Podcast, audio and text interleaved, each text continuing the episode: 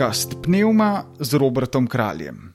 Pozdravljeni, eh, že dlje časa sem razmišljal o tem, da bi nekako poskušal osvetliti temeljno krščansko molitev Oče naš. Eh, zavedam se, da je to pravzaprav zelo težko delo, eh, ker je to temeljna krščanska molitev.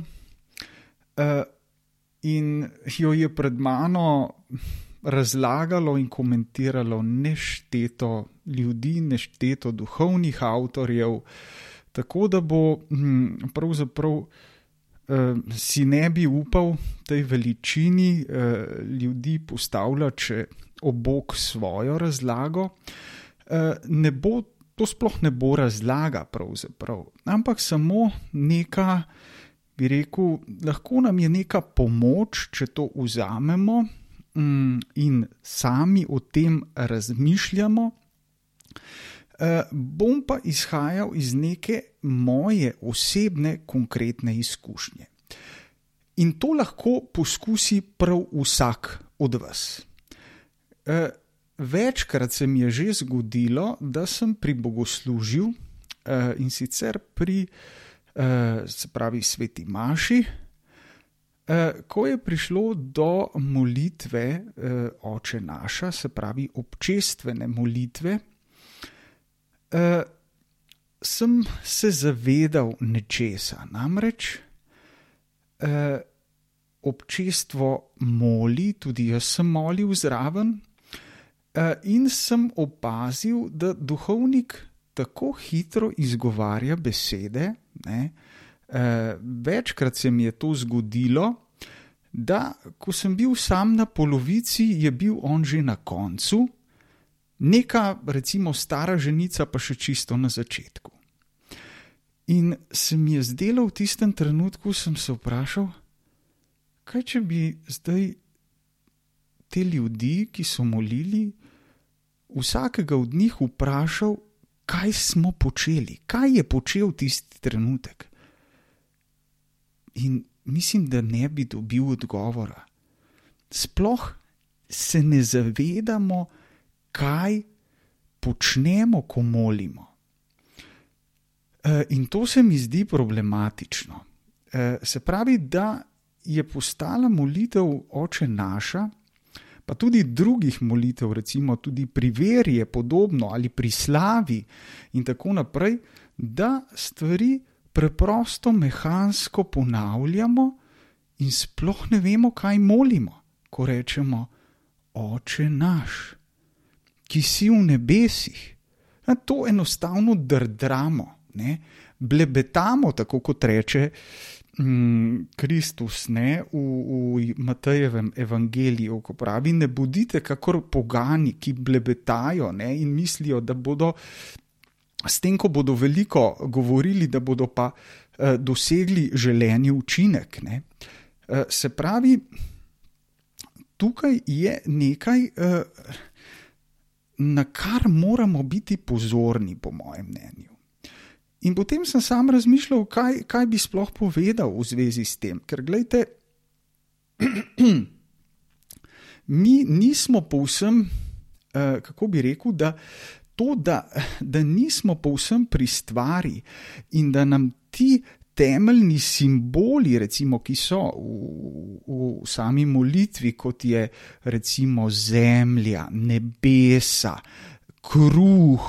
Eh, in tako naprej, ne, oče, um, volja in tako naprej, vsi ti izrazi, ne, nam so nam nekako tuji, ne, uh, bi rekel, sploh nimamo več stika s temeljnimi resničnostmi, ne, z zemljo, ne, kakor v nebesih, tako na zemlji in tako naprej. Ne. Uh, kaj, kaj lahko v zvezi s tem rečemo?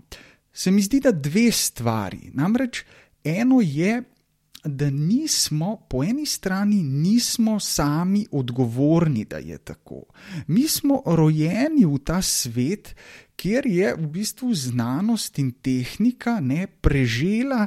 Celotno našo družbo, naše življenje se je bi rekli, zgostilo, ne, se je. Uh, um, osredinilo predvsem v mestnih središčih, in človek je počasi izgubljal stik z zemljo, s temeljnimi človeškimi resničnostmi, voda, zrak. Eh, eh, gozdovi in tako naprej. Ne? Eh, vse to nam je postalo nekako odročno, tuje. Ne? eh, gremo v trgovino, kupimo kruh, sploh ne vemo, kako nastane, da je za to potreben kvas, moka, voda in tako naprej.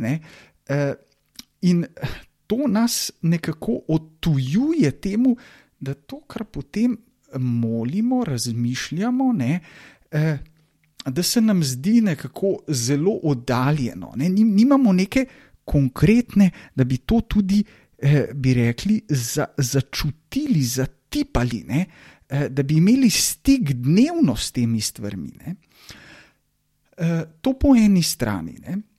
Po drugi strani pa se moramo zavedati, kot rečeno, da človek ni sam za to odgovoren, po drugi strani pa smo le tudi odgovorni, ne, ker se ne zberemo, ker Eh, tudi, kako bi rekel, v, v tem tempu življenja, nihče pravzaprav ne, to, to so že drugi pred mano, recimo Heidegger je dosti krat poudarjal, ne, kaj pomeni sploh misliti. Ne. Mi ne mislimo, mi preprosto. Uh, nekritično, veliko krat sprejemamo zgolj to, kar je prevladujoča miselnost. Mi sploh ne mislimo, kakšne posledice bo imelo, eh, recimo, bo imela znanost, bo imela tehnika, bo imel napredek za naše življenje. Ne? Glejte, če dam en konkreten primer. Ko smo, ko recimo, ne, je, eh, se pravi, postal avtomobil nekaj, ne, že v, v 20. stoletju, nekaj zelo razširjenega, masovnega, ne, vemo, ne, Henry Ford v, v Ameriki. Se pravi, eh, takrat ni nihče mislil na negativne implikacije tega izuma. Ne, eh, recimo, eh, se pravi, človek res to nam bo koristilo, bomo hitreje prišli iz enega kraja v drugega, vendar nihče ni pomislil, koliko nesreč, avtomobilskih nesreč se bo zgodilo, koliko ljudi bo, bo izgubilo življenja zaradi tega. Ne? Se pravi, da mi ne mislimo na to, Na, na temno plat napredka, na temno plat pridobitve, ne, ki nam bo seveda koristila, a ima tudi mm, negativne posledice. Ali pa recimo internet, ne, seveda je zelo koristen, zelo uporaben, ampak nihče ni predvidel teh zlorab. Eh, ki se dogajajo preko uh, interneta, in tako naprej. Ne? Se pravi, da mi v resnici ne mislimo, ampak samo bi rekli, Eh, ne, ne kritično sprejemamo stvari. Da ne bom predolg, se pravi, tukaj gre za eno. Nismo odgovorni povsem za to, da se nam to dogaja, po drugi strani pa moramo prevzeti tudi odgovornost. In zdaj prehajam k bistvenemu, kar nam bo koristilo za, za oče naš. Oprl se bom na crkveno učiteljico Terezijo Jezusovo, ki jo poznamo tudi pod imenom Terezija Avilska, saj je uh, bila rojena v Avili, se pravi, uh, uh, ja, pač v španskem mestu Avila. In ona, uh, zakaj se na njo opiram? Zaradi tega, ker velja za eh, bi rekli, vesolno, se pravi, avtoriteto v vesolni cerkvi, ne samo da je svetnica, ampak je prva ženska, ki je bila razglašena za učiteljico cerkve.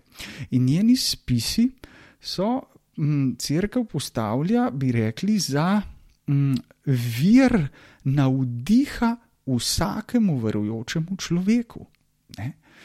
In se bom oprl na uh, 24. poglavje njenega dela Pot popolnosti, kjer govori prav o tem. Se pravi, govori o tem, kako, kako je treba, kako naj ustno molimo. Kako naj ustno molimo, se pravi, oče naš, zdrava Marija in tako naprej, te, te temeljne eh, krščanske molitve in kako je pravzaprav ta ustna molitev povezana z notranjo molitvijo.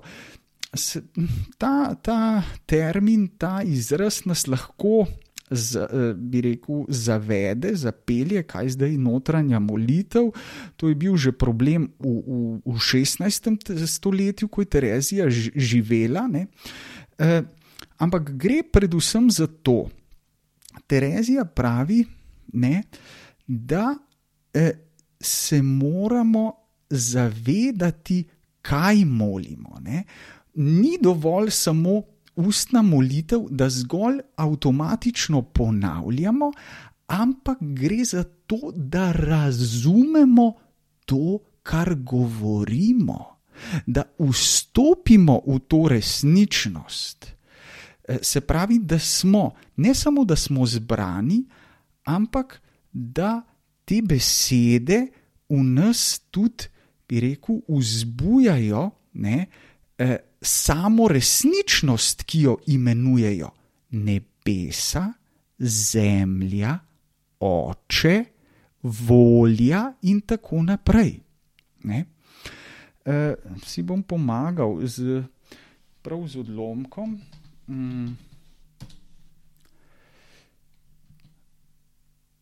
Se pravi,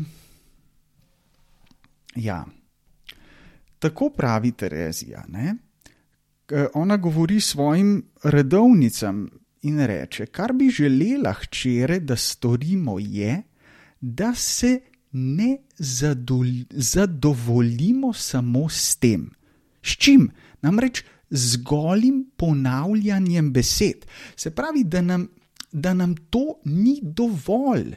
Ampak zdaj s tisto izkušnjo začetka sem pa ravno poudaril, da smo mi kot občestvo in veliko krat tudi kot osebe, kot ljudje v nekem apatičnem stanju, nedovzetni in da preprosto blebetamo, drdramo. E, in se Terezija pa pravi, da se ne smemo zadovoljiti s tem stanjem. Se pravi, ne smemo pasti v nobeno od obeh skrajnosti. Se pravi, ena skrajnost je ta, da bi bili popolnoma apatični in samo ponavljali, oče naš, ki si v nebesih posvečeno, vodi tvoje ime in tako naprej. Ne?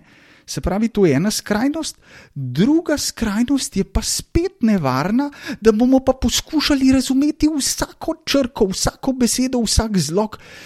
Moram in če zdaj ne bom ta trenutek tako zbran, bo vse za nič in tako naprej.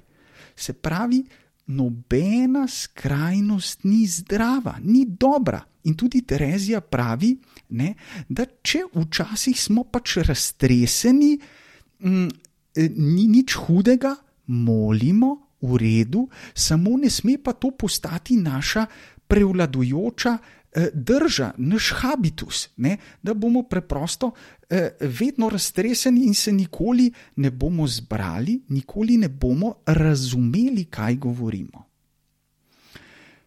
Se pravi, ne smemo se zadovoljiti zgolj in samo s ponavljanjem. In sedaj nadaljuje ne sama.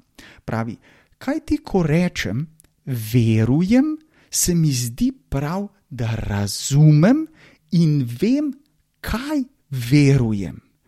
In ko rečem, oče naš, je izraz ljubezni, da razumem, kdo je ta naš oče in kdo je učitelj, ki nas je to molitev naučil. Glejte, kako res globoke besede in kako, kakšna modrost, kakšna modrost je to. Se pravi, da razumem, kdo je ta naš oče, ne? in da razumem in vem, se zavedam, kaj verujem. to je bistvena stvar. In moja spodbuda ni, da bi vnašal kakršno koli zmedo, ampak da reflektiramo, da se kot verujoči ljudje vprašamo, kje smo, kako molimo, kakšna je naša molitev, da nas to ne bo vrglo iz tira, da se ne bomo zdaj s tem obremenjevali preveč, ampak da ne bomo popolnoma eh, eh, apatični ne, in indiferentni in rekli, ah, se to ni važno, važno je, da hodim v crkvu in tako naprej, da, da molim pač kar, kar, je, kar že molimo. Ne. Ne, da poskušamo to tudi razumeti. In k vsemu temu, bo namenjena ta naša serija, ta razmislek o oče našu, ko bomo recimo ne, razlagali vsako prošlo posebej, ne, recimo oče naš, ki si v nebesih, posvečeno bodi tvoje ime. To prošnjo ne, bomo že naslednjič poskusili osvetliti eh, in morda nam bo to pomagalo, da bomo m, globlje vstopili v skrivnost, v misterij eh, Boga, ne, kakor se nam je razodel v osebi Jezusa Kristusa. Torej, hvala za pozornost in se vidimo prihodnjič.